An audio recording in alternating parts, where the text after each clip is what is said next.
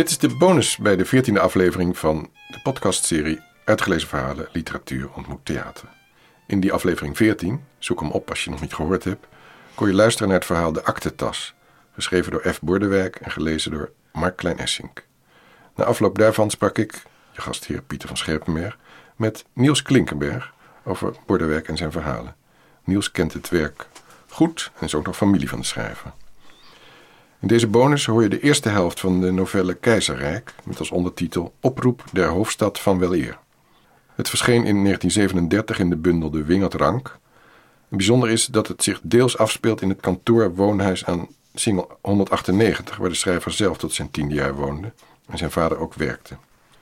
Het jaar van handeling is dan ook 1890, toen de auteur zelf ook kind was. Hier wordt meegenomen naar de oude binnenstad van Amsterdam. We hebben maar een deel van de novelle opgenomen tijdens onze Bordewerksalon in 2015, omdat het te lang zou duren voor een live voordracht. Deze helft van het verhaal duurt al bijna een half uur. Het is inmiddels immers een novelle. Toch is het al een mooi afgerond geheel, vond ik destijds.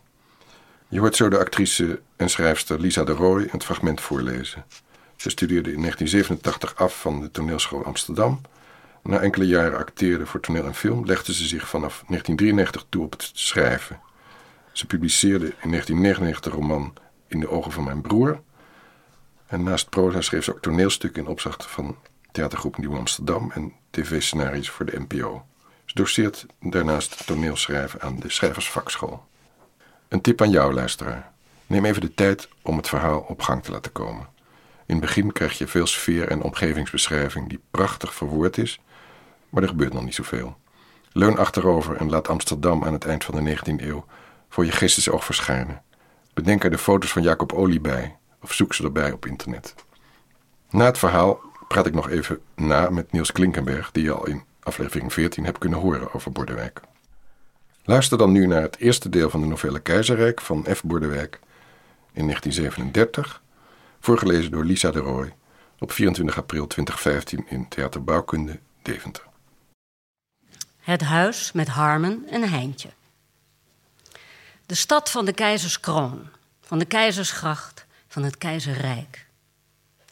Het huis lag aan het Singel en het was genummerd 198. Het is er nu niet meer. De walkant droeg oude iepen, hoog en mager. Maar pal over het huis stond een kleine boom die slecht groeide. Zorgvuldig, driehoekig afgehekt tegen uiterlijk geweld. En toch kwijnend. Aan de verre overkant de suikerwerkfabriek van de Bond en Leiden. Daar lieten ze nu en dan de stoom brullend uit door een gaatje in de grachtwal, even boven het water. En dan links de torensluis met de bonte kiosk en het nijver vertier van schuiten die immer door de middelste brugboog voeren. En de gaande stoomboten streken de pijpen als een vlag en de komende presenteerden ze als een geweer. Het huis was hoog en smal, twee ramen breed, met niet talrijke, maar grote kamers. Het stak zijn wicht tussen de andere. Het werd naar achter steeds breder. Een hard stenen stoep omlaag, de deur half onder de grond, de vestibule van marmer, de griezelige kelder, de lichte keuken met het lantaarndak, de wenteltrap naar de beletage. En vandaar de daverende monumentiek van het trappenhuis. De plompe leuningen hoekend om en om, hoger, hoger. Muurvensters als kerkramen. Een huis vol doelloze portalen en gangen. Een enig speelhuis voor een kind. Heel boven de verrassingen nog niet uitgeput. Een groot plat tussen de daken en schoorstenen. Tussen de afgronden van twee lichtkokers. En een zolder met kamers voor en één ook achter, elk weer met hun vliering. Die rode jongen, Harmen, die lag nu heel hoog voor in het huis. Op zijn buik in de goot met het kabeltouw. Het was een goot gebouwd op de vliering in het huis. Het touw liep erdoor naar het hijsblok met de katrol. Er was hier geen licht naar de straat. Slechts het ronde gat met het touw liet de dag met een reet naar binnen. Het huis helde naar voren. Hij lag hier loodrecht gemeten over de straat. Maar hij lag in het huis, volkomen gevaarloos. Hij keek naar het ringetje licht rond het hijstouw. krijtschel winterlicht. Zijn benen hingen slap ter weerszijden van de goot. Hij lag hier graag, bewust van het hele speelhuis onder hem, zijn griezelingen en zijn grenzen. S'nachts in bed was hij wel bang. Dan snerpte in het holle altijd een politiefluit, vlak voor de deur. En erger was dan het verstikte geblaat van een kleine agentenhoorn verder weg als antwoord. Het huis werd extra bewaakt, omdat men van de achterzijde in het bankgebouw zou kunnen komen, waar zijn vader procuratiehouder was. S'nachts was hij dikwijls bang. Het toetertje wou hij nooit horen. Zijn stevig dichtgestopt oor ving het verwensgeluid desondanks. Hij dacht veel aan wolven en inbrekers. Benauwde dromen kwelden hem vaak. Hij werd nagezeten. En deze nachtmerries verzweeg hij voor ieder. Op de vrije dagen nodigde hij nogal speelmakkers van school. Ook wanneer ze zelf oude huizen in de binnenstad bewoonden, kwamen ze hier graag. Misschien bezaten ze ook wel twee zolders, twee vlieringen, maar een kamer boven met een touw naar een brandklok op het dak van een buurman, dat bezaten ze in geen geval. De noodbel zagen ze schraag zitten op de vorst in een hok van hout, als de dakruiter van de kerk. Aan het touw trekken was ten strengste verboden. Ook hadden ze misschien wel een mooi trappenhuis, maar nooit zo'n enig plat met zulke afgronden. Bloemen groeiden er zomers in bakken langs de kanten. Ze speelden waarlijk enig door het hele huis hun spelen. Die schrikspelen, op de rand der verschrikking, waarvoor jongens een voorkeur hebben. Over verscheidene kameraden had Harmon een macht. Ze geloofden hem zolang hij erbij was. Hij ging zaterdagmiddag met de boot naar Indië. Hij kwam maandagochtend terug. Hij was in zijn vrije tijd adelborst en sprong van de hoogste mast op het dek in een strak gespannen deken. Dan deinde hij eenvoudig verrukkelijk. Als hij weg was, geloofde niemand meer iets van hem. Hij was de grootste leugenaar die ze kenden. Maar hij had de jongens niet nodig, hoogstens terloops. Het huis was behalve speelplaats ook speelmakker. Als hij een zeer bange nacht had doorgemaakt, die de andere dag nog in zijn verbeelding nawerkte, dan klom hij graag naar de voorvliering en legde zich op de goot. Meester over het vreeswekkende dat onder hem lag, begrensd. Het huis had een bierkeldertje onder het trappenhuis, een aardappelkelder in de keuken, maar het had ook de grote kelder, die de keuken verbond met de vestibule en die de meid door moest om open te doen. Een gaslicht altijd brandend wees de weg. Een vloer van donkerbruine klinkers, oneffen gelegd, natachtig glimmend. Geen meid ging er graag door, de kropen kakkerlakken. Het ene gaspitje hief de gruwelen niet op, het accentueerde ze. Behalve het licht was nog een baken, een vierkante draagzuil omtrent het midden van de kelder, grauw gestuukt, een zware, lompe kolom die heel wat van het middenhuis torsen moest. Harmon kwam in deze kelder zelden. Er was tweeërlei dat hem extra deed huiveren. Een kolenkelder in een zijmuur, moorddadig zwart, als het machtige luik terzijde werd gerold. Erger nog, een zinkput naast de grauwe kolom op het niveau van de keldervloer, met een klapdeksel van hout.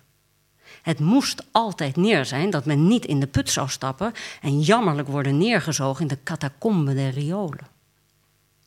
Op een keer kwam Harmon het trapje van de keuken omlaag in de kelder en zag naast de zuil een onbekende jonge vrouw. Het deksel was opgeklapt en ze keek gespannen in het gat. De dunne vlindervlerken der gasvlam, niet ver af, gaven onbestemd licht in het gat. Het gat lag vol vuil grijs schuim van zeepsop. Grote bellen iriseerden zwak en spatten stil weg. Een, een straal drabbig water vernietigde de luchtige droom van het schuim. De keukenmeid had de koffiepot schoongemaakt, het dik weggespoeld. Harmer was naast het meisje gekomen en ze keken samen in het gat. Hij had dit nooit mogen doen, ook niet gedurfd. Hij vroeg: Heb jij die put opengemaakt?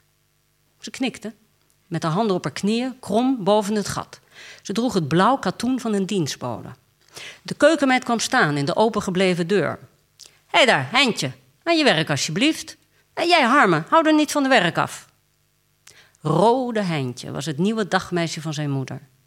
In de vestibule stond hij haar aan te kijken. En toen keek hij naar haar doen. Na het stille moment bij de put was ze nu vol actie. Springerig, lacherig, lawaaierig, winderig, hardrood haar dat sprong en lawaaide als zij. Hij zou met haar wel kunnen spelen. Die woensdagmiddag dat hij heel boven lag, over de goot met het touw, klonk achter hem de stem van Rode Heintje. Pst, Harme, kom mee. We gaan een boodschap doen. Je moeder vindt het goed. Hij keek om. Het licht van een achterraam op de vliering lag aan het rode hoofd. Het kwam net boven het trapgat uit. Het lijf stond nog ten volle op de trap. Met zijn snelle verbeelding in de richting van het macabre dacht hij aan een los hoofd op een schotel dat lacht en babbelt in een kermistent. Een speurtocht. Harmen groeide slecht. Toch was hij zorgvuldig driehoekig afgehekt door de genegenheden van zijn ouders en zijn broer. Hij scheen te lijden aan een tekort aan levenssap. Hij kwijnde. Men dacht direct: wat ziet die jongen rood? Het was geen gezonde blos, het, het lag te egaal, te warm over zijn ganse gezicht. Het spaarde te veel zijn neus. Hij was nu tien jaar, voor indrukken uiterst ontvankelijk. Hij schaamde zich nog niet te lopen met de dienstbode van zijn ouders. Eerst gaan we naar mijn vorige mevrouw, zei Heintje. Dat weet je moeder. Het was niet ver weg. Het warmoesgrachtje af, dan nog een stukje lopen, een huis op de Keizersgracht. En daar diende nu een zuster van Heintje. Harme mocht binnenkomen bij de oude mevrouw. Deze leefde het grootste deel van de dag in de insteekkamer. Het voorwandje, gelijk bij al dat soort kamers, geheel van glas. Er was niets om je tegen te houden als je door de ruiten viel. Niet het kleinste stukje voormuur. Je viel pardoes een eind omlaag op de straat. De zoldering was zo dichtbij dat je onwillekeurig bukte. Het glaswandje van de oude mevrouw was verdeeld in vakjes. En verscheidene vakken bevatten nog de oorspronkelijke ruiten van paars glas. De oude mevrouw had voor zich een theeblad, een bijbel en een oorhoren. Ze zat vlak bij de glaswand en Harme tegenover haar. Men zag van buiten opkijkend zijn kousenbenen deemoedig stil neerhangen van de stoel. De oude mevrouw was zo oud dat ze van een kind al lang niets meer afwist. Ze begon over haar drie kinderen, alle weggerukt in de bloei van het leven. Ze vergat volkomen de thee.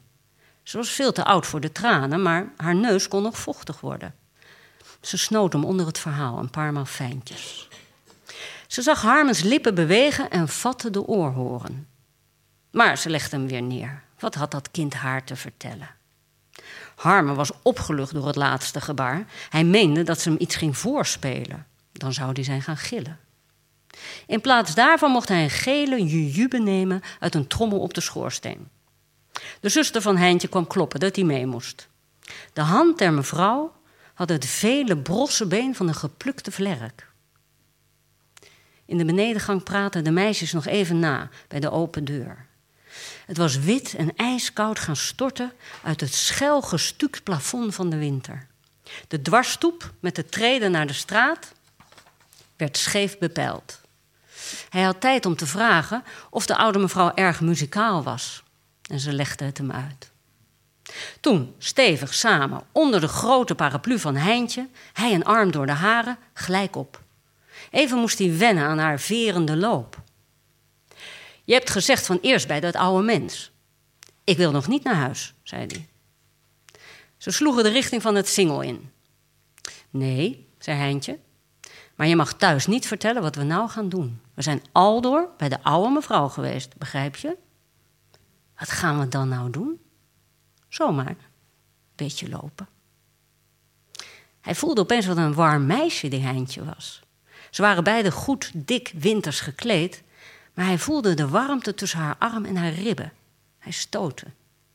Zijn dat je ribben? Oh nee, jongen, het zijn mijn baleinen. Het was toch prettig warm. Hij keek naar haar op, het, het rood wegspringende haar onder de paraplu. Hij had nog geen besef van mooi of lelijk bij de mens, maar hij zag het rode haar, de witte tanden, de lichte ogen, een beetje dol. Hij herinnerde zich haar zuster als net zo'n soort, maar dat haar sprong niet, het lag sluik. Er is op de hele wereld geen stad met zoveel stegen als Amsterdam. Er zijn er een massa vreselijk gevaarlijk. Daar staan dan agenten voor. Ik ben haast in al die stegen van die stad geweest. Jij? Ook in die met die agenten? Nee, Eindje oprecht. Maar jij? Het bleek van niet. Hij kende niet Raamskooi, Bijbelsgang, Hol, Kollegat, Bremertuin, Vuilweespad, Schoonweespad. Jonge, jongen, er was zoveel te zien. Ken je de Engelse steeg op het Rembrandtsplein? Als je hem niet kent, dan vind je hem nooit. Je gaat onder een huis door, je lacht je dood. Hij lachte niet, hij schrok een beetje. Het avontuurlijke in Heintje trok hem niet te min. We gaan nou zover niet. Alleen maar een ent een nieuwerzijds Voorburgwal. Ja, jakkers, er is niks aan. Laten we dan maar liever ineens naar huis gaan. Hij kreeg geen antwoord. Ze klemde zijn arm, ze trok hem verder. Het scheen een belofte in te houden. Hij liet zich trekken. Hier heb je de Turfhoksteeg. Nou, wat zeg je? Is dat soms geen steeg? Durf je erin? Ze stonden even stil voor een kleine zwarte spleet. Hij kende de Voorburgwal, nogal natuurlijk. Hij had dit nog nooit gezien. Misschien durfden ze er zelf niet in, want ze trok hem verder. Samen keken ze in de stegen, maar het ging te vlug. Hij, hij zag het niet goed. Ze waren de kloven dadelijk voorbij. Stegen, stegen. Hij had ze nooit ontwaard. Hij was er altijd zomaar voorbij gelopen, veilig tussen zijn ouders, onwetend van het zijwaarts kwaad. Ze liepen er langs en weer terug. De dag ging onderwijl zeer sombere. Hier gaan we dan maar in. Dit is Sloterdijksteeg. Scherp zwenkte ze met hem af in een koker van nacht. Zacht begon ze tussen haar tanden te zingen. De regen stortte recht omlaag op de paraplu die zich precies in de steeg spande. Hij zag alleen rechts. Hij had geen ogen genoeg voor de vreselijke huisjes. Langs hem schaduwend met vuile gordijnen of geen gordijnen, een enkel gelaat, niemand buiten. Een eeuwigheid gingen ze. De bescherming van de burgwal lag al veel te ver achter zijn rug, onvindbaar, verloren. De steeg kromde pijnlijk. Hij wou vragen te sterven, maar hij had geen stem, slechts een dikte. Dapper, zacht zingend stapte Heintje voort. Hij wees dat ze stil moest zijn. Ze zag niet zijn gebaar. Haar ogen waren nu erg dol. Het werd nog donkerder. Hij hoopte aan de andere monding te komen. Die was er niet. Heintje zweeg plots bij het laatste huisje. Een vertwijfeld zoeken in haar ogen naar een uitweg. Ze stonden bij het laatste huisje in de muizenval. Het laatste huisje was het smalste en verschrikkelijkste van al. In zijn angst zag hij het nummer naast de deur, 249. Een ruit zonder gordijn. Dadelijk vijf, zes kinderen ervoor. Hun kadavergezichten plat achter de ruit. Het enige wit in de duisternis. Hé hey daar! plofte een bas van boven op de paraplu. Een rotsblok van een stem. Toen was er geen houden aan. Losgetrokken van elkaar renden ze terug, zij voorop, langs een paar matronen gekruist gearmd in de kleine deuren. De blanke reddingsgordel ving aan ver te glimmen. Ze plasten door de nacht naar de heldere burgwal. Er was hun niets gebeurd. En daar vonden hun armen elkander vanzelf. Jij was bang, zei hij met triomf. Nou, jij niet minder. Even zweeg ze. Ik ben daar nog nooit geweest, zei ze nog even na. Ik dacht niet dat het daar doodliep, zei ze. Ben je niet te nat geworden? vroeg zijn moeder. Trek je pantoffels aan. Zijn voeten waren droog. Plichtmatig vertelde hij alleen van de oude dame met de jujube. Die nacht droomde hij van haar. Ze liep op straat, de oorhoren in het oor. Maar de agent drukte haar die af voor het blazen van een krachtig verzamelen. Wat kon die agent trompetten? De inbrekers kwamen van alle kanten uit de steegjes, duizenden en duizenden. Het was op het ogenblik van het verstikte geblaad van het tegenzijn, ver weg buiten in het holle van de nacht. De agenten deden hun ronde om het blok waar het huis lag en de bank. Het singel, de Drie Koningenstraat, de Herengracht, de Oude Leliestraat. Mist en de stad. Die morgen was het zijn broer die hem naar de school bracht op het molenpad, voordat hij zelf naar zijn kantoor ging in de Kerkstraat, nog voorbij de Amstel. Zijn broer was die kleine, ratachtige Niek, die hij zich alleen als man herinnerde. Daartussen waren twee meisjes heel jong gestorven. Niek was klein, maar hij droeg dassen met knopen als kolen. Als ze hem verveelde, gaf hij ze aan Harmen. Harmen kon er geen enkele van dragen, maar hij had een hele collectie. Hij streek gaarne over het hakend satijn. Het wit en de schreeuwende kleuren vond hij heel mooi. Niek was klein, maar hij nam kolossale stappen. Harmen aan zijn hand moest soms draven. Het was voor Niek een eind om. Hij kon niet veel te laat op kantoor komen, al hing er een donderse mist. Deze zeldzame wintermisten waren voor Harmen een grote vreugde. Hij liep door een vuil gele nacht. Het aardigst vond hij de pektortsen gebonden aan de brugleuningen. Aan elke leuning één. Aan het hoogste punt der welving van deze korte, sterk gewelfde bruggen. Je hoorde de tortsen snorren eer je ze zag. En dan waren alle troebele gracht- en straatlichten aan. En alle licht troebel in alle huizen. Wat een gas. Wat een gas werd er gebrand. Het is maar goed, zei Niek, dat er hier zoveel gasfabrieken zijn. Want nu kunnen ze terdege hun best doen. Opvoedkundig vertelde hij van de drie fabrieken die zo enorm waren dat ze wel de halve stad omklemden als een vestinggordel. De Hollandse gasfabriek, de Amsterdamse pijpgascompagnie, de Imperial Continental Gas Association.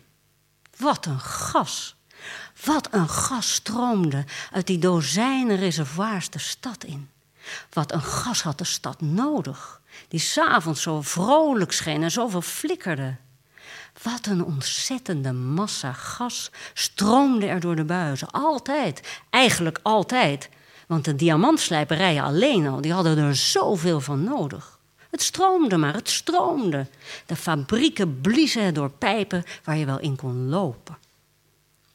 Dat kleine gaspitje bij ons in de kelder brandt altijd, zei Harme. Zo, zei Nick. Dat wist ik niet. Hij wist het wel.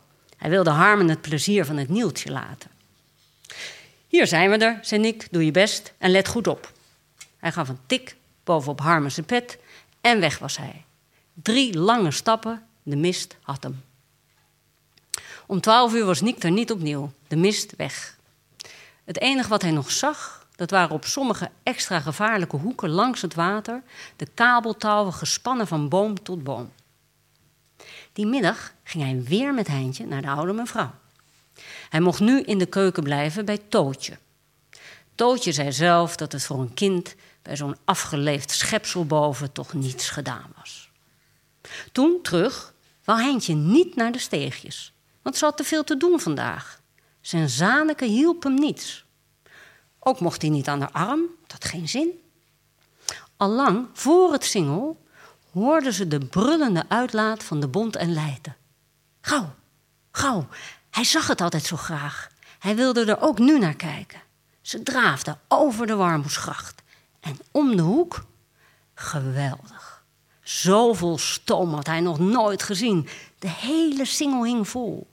Hij zag de torensluis niet meer, nog de donderende bron, nog iets van de huizen aan de overzijde. En aan zijn kant gingen de gebouwen ook schemeren. Heintje zei: Wel, allemachtig, de mist komt terug. En toen was het voor goed beslist. Ze moesten weer op ontdekking.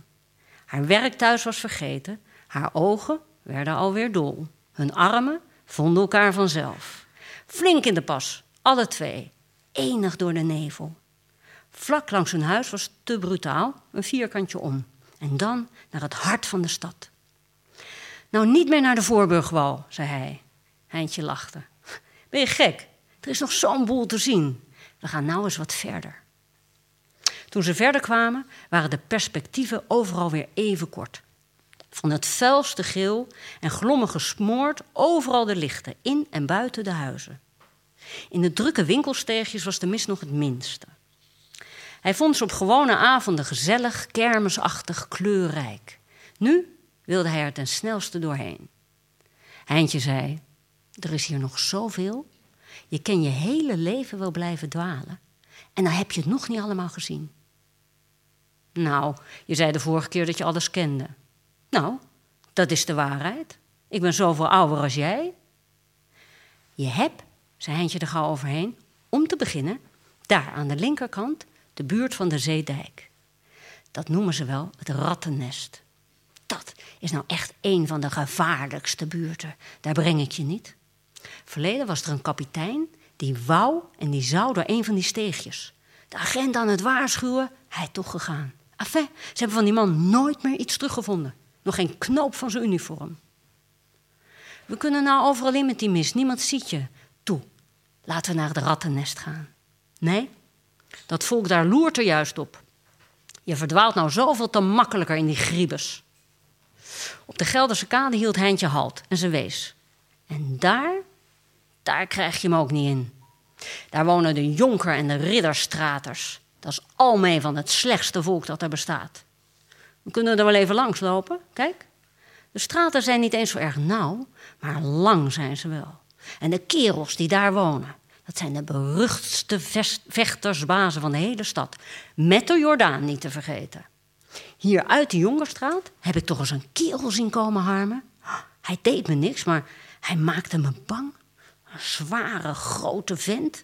Ik denk een jaar of 25 met van die harde blauwe kaak op elkaar. En zijn handen in zijn zakken. Maar je zag toch dat hij zijn vuisten gebald had. En dan liep hij zo voor zich uit te kijken. Net of hij niemand zag. Met een paar witte, glazige ogen. Ik heb van hem gedroomd. Gerust. De mist maakte alle verschrikkingen onzichtbaar, maar ze leefde toch. En te erger in de verbeelding van Harmen. Hoe eindeloos lang konden die met zwarte watten gevulde straten zijn? Ze schenen onbewoond, er ging niemand in en uit. Dat juist was het gevaarlijke. Er was zo weinig verkeersgeluid, soms een volkomen stilte, waarin het snorren klonk van teertonnen op een nabije brug, onzichtbaar. Daarachter, zei Heintje, ik bedoel meer rechts, daar ligt de Bremertuin. Alleen maar een mooie naam, tuin. Je zou heel wat denken, het is een steegje. Ach, jong, ze drukte terloops zijn arm. Mooie namen genoeg hier in de buurt. Koningsstraat, Keizerstraat, Ridderstraat, Jonkerstraat. Jawel, maar als er al geen geboefte woont, het is toch armoedtroef. Dat is hier overal zo, door de hele stad. Het Montefiorenpark, maar een doodgewone slop. De Goudbergsteeg, de Zonnegang, de Witte Kelksteeg. Je denkt aan rijkdom, aan groen en bloemen en zo meer. Wacht maar. Het land van belofte, nog mooier. En dan het Hemelrijk, twee maar liefst. Er is hier in de stad ook nog een keizerrijk. Ze zweeg even. De namen bezonken in hem. Hij zag de hoofdstad vol van allervaalste woonhuisjes. Ze werden voor hem het wezenlijke. Amsterdam. Amsterdam, dat was wat je niet noemde, wat je dikwijls niet wist. Achter de muren der veilige hoofdstraten, der prettige grachten, lagen ze alom. Hele steden van kleine, sinistere huizen in alle licht van een doodskleur. Hij had een groot ontzag voor Heintje, die dit voor hem had ontdekt. Instinctief voelde hij haar aan zich verwant. Vanaf het ogenblik dat hij haar boven de zingput in de kelder had gevonden. Zo'n dapper meisje. Ze durfde meer dan hij, maar toch niet alles. Nou nog even het kollegat in. Dit viel ontzettend tegen. Het hoekte heel scherp, vol belofte af van een winkelstraat. En het was heel smal en lang, maar het waren enkel achterkantjes. Een doelloos steegje van nevel zonder licht. Ze waren erdoor, er was niets aangeweest. Ze kon het niet weer spreken. Ze gingen nu haasje repje terug, om hem schadeloos te stellen nog even door het hol. Het was toen ze de zeedijk dwars overstaken dat een schoor geluid riep: Zeg, Hein! Ze schrok Ze trok de arm los, beduidde hem even opzij te gaan en praatte met een vrouw. De schorre stem was veel luider dan de hare. Hij verstond niettemin geen woord. Toen kwam ze bij hem. De dolheid was uit haar ogen helemaal weg. Dat was mijn oudste zuster. Die past niet goed op. Bij mijn ouders mag ze niet meer komen. Bij mijn tante nog wel. Nou, was de wind naar huis. Het hol een andere keer. En denk erom, we zijn door de mist opgehouden bij de oude mevrouw. Hij weerstreefde niet. Schuldbesef was gewekt en vrees voor berisping. Hij wist niet wat het betekende, niet oppassend zijn. Als iemand zo'n schorre stem had, dan paste die niet op. Dat was nogal wieders. Hij vroeg: Hoe heet je eigenlijk nog meer, Heintje? Ik? Hiekensauser. Heintje Hiekensauser. Hij vergat het nooit. Thuis kwamen geen standjes van de drie verontruste huisgenoten. Wel stond Niek gereed met jas en hoed om hem te halen van de oude dame. Zijn leugen van het verblijf daar in de keuken, eerst gewacht tot het opklaarde en het tenslotte maar gewaagd, dit verdichtsel werd gereed aanvaard.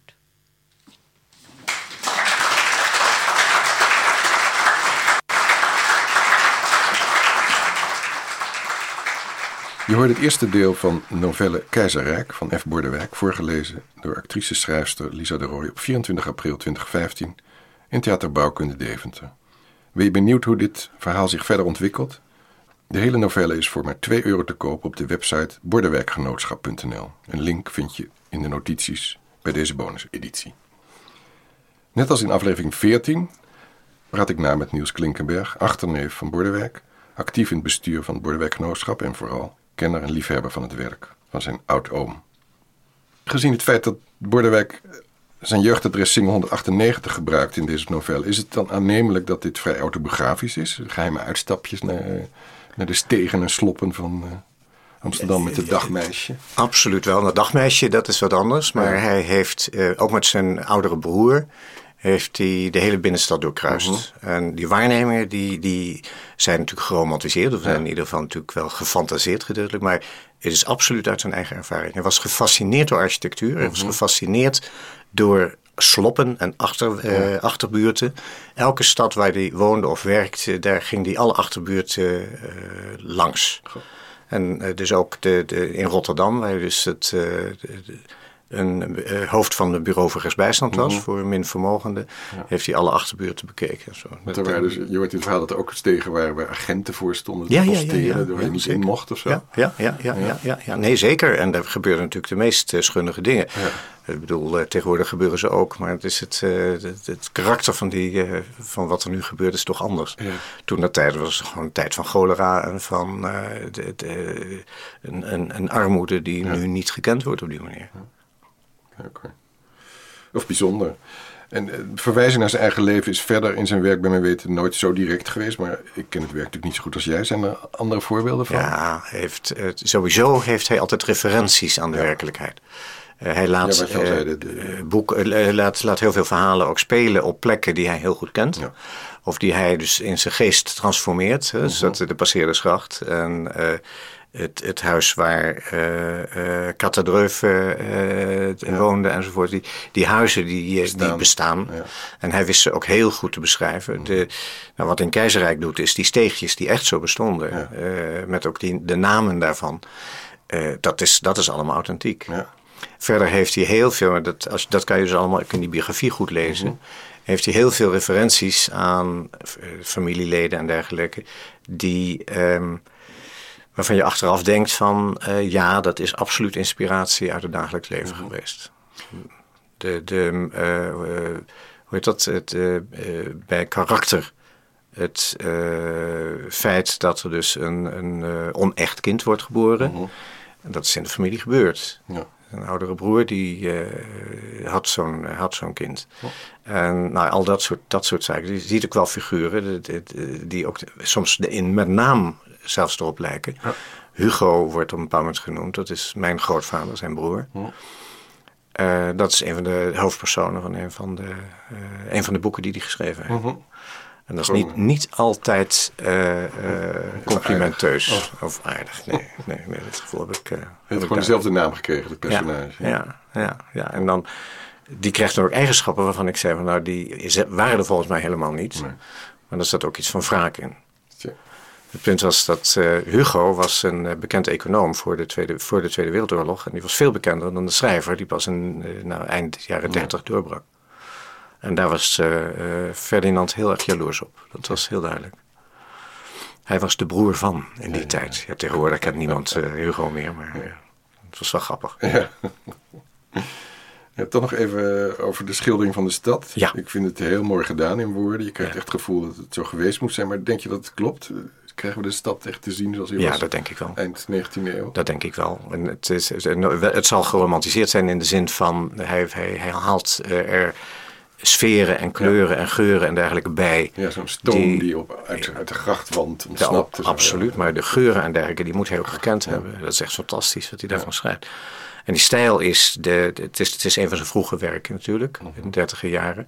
Die stijl is echt, echt die, die uh, zakelijkheid, die, uh, waar, waar die bij blokken en dergelijke zo heel erg bekend om is geworden. Ja, dat zie je al duidelijk te zien. dat ja. Korte, korte zinnen, ja. Dus, ik, vind dat, eh, ik vind dat wel heel. Dat leest ook heel, vind ik heel boeiend en heel sfeer, heel, geeft een hele aparte sfeer. Mhm.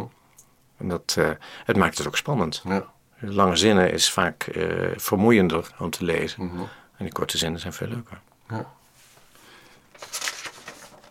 Als je luisteraar die nu enthousiast is geworden door, door de, deze twee verhalen in beide afleveringen, een verhaal of roman van Bordijk zou willen aanraden die die als eerste nu moet gaan lezen? Wat, wat, wat zou je er wel kunnen nou, ja, Rood Paleis staat bij mij bovenaan het lijstje. Dat heb, ik, heb ik al eerder gezegd. Het is uh, een, een, boek wat ook speelt in fin de siècle, dus voor de Eerste mhm. Wereldoorlog. En het boeiende is dat het een, uh, uh, boek is wat speelt in een hoerenkast, maar zo kuis is als uh, de Victoriaans Engeland, zeg maar. Geen seks wordt erin beschreven. Beschreven niet, alles wordt gesuggereerd, meer niet, maar het gaat om de karaktervorming. Een hoofdpersoon die uiteindelijk in het Franse Vreemdelingenlegioen dienst neemt, omdat hij verder het nut van het leven niet meer ziet. Het is ook een einde van een, van een eeuw, maar het zijn zulke goede karakteristieken uh, uit die tijd. Het is echt fantastisch om te, om te lezen. Dat zou ik uh, aanraden. Voor de rest, ja.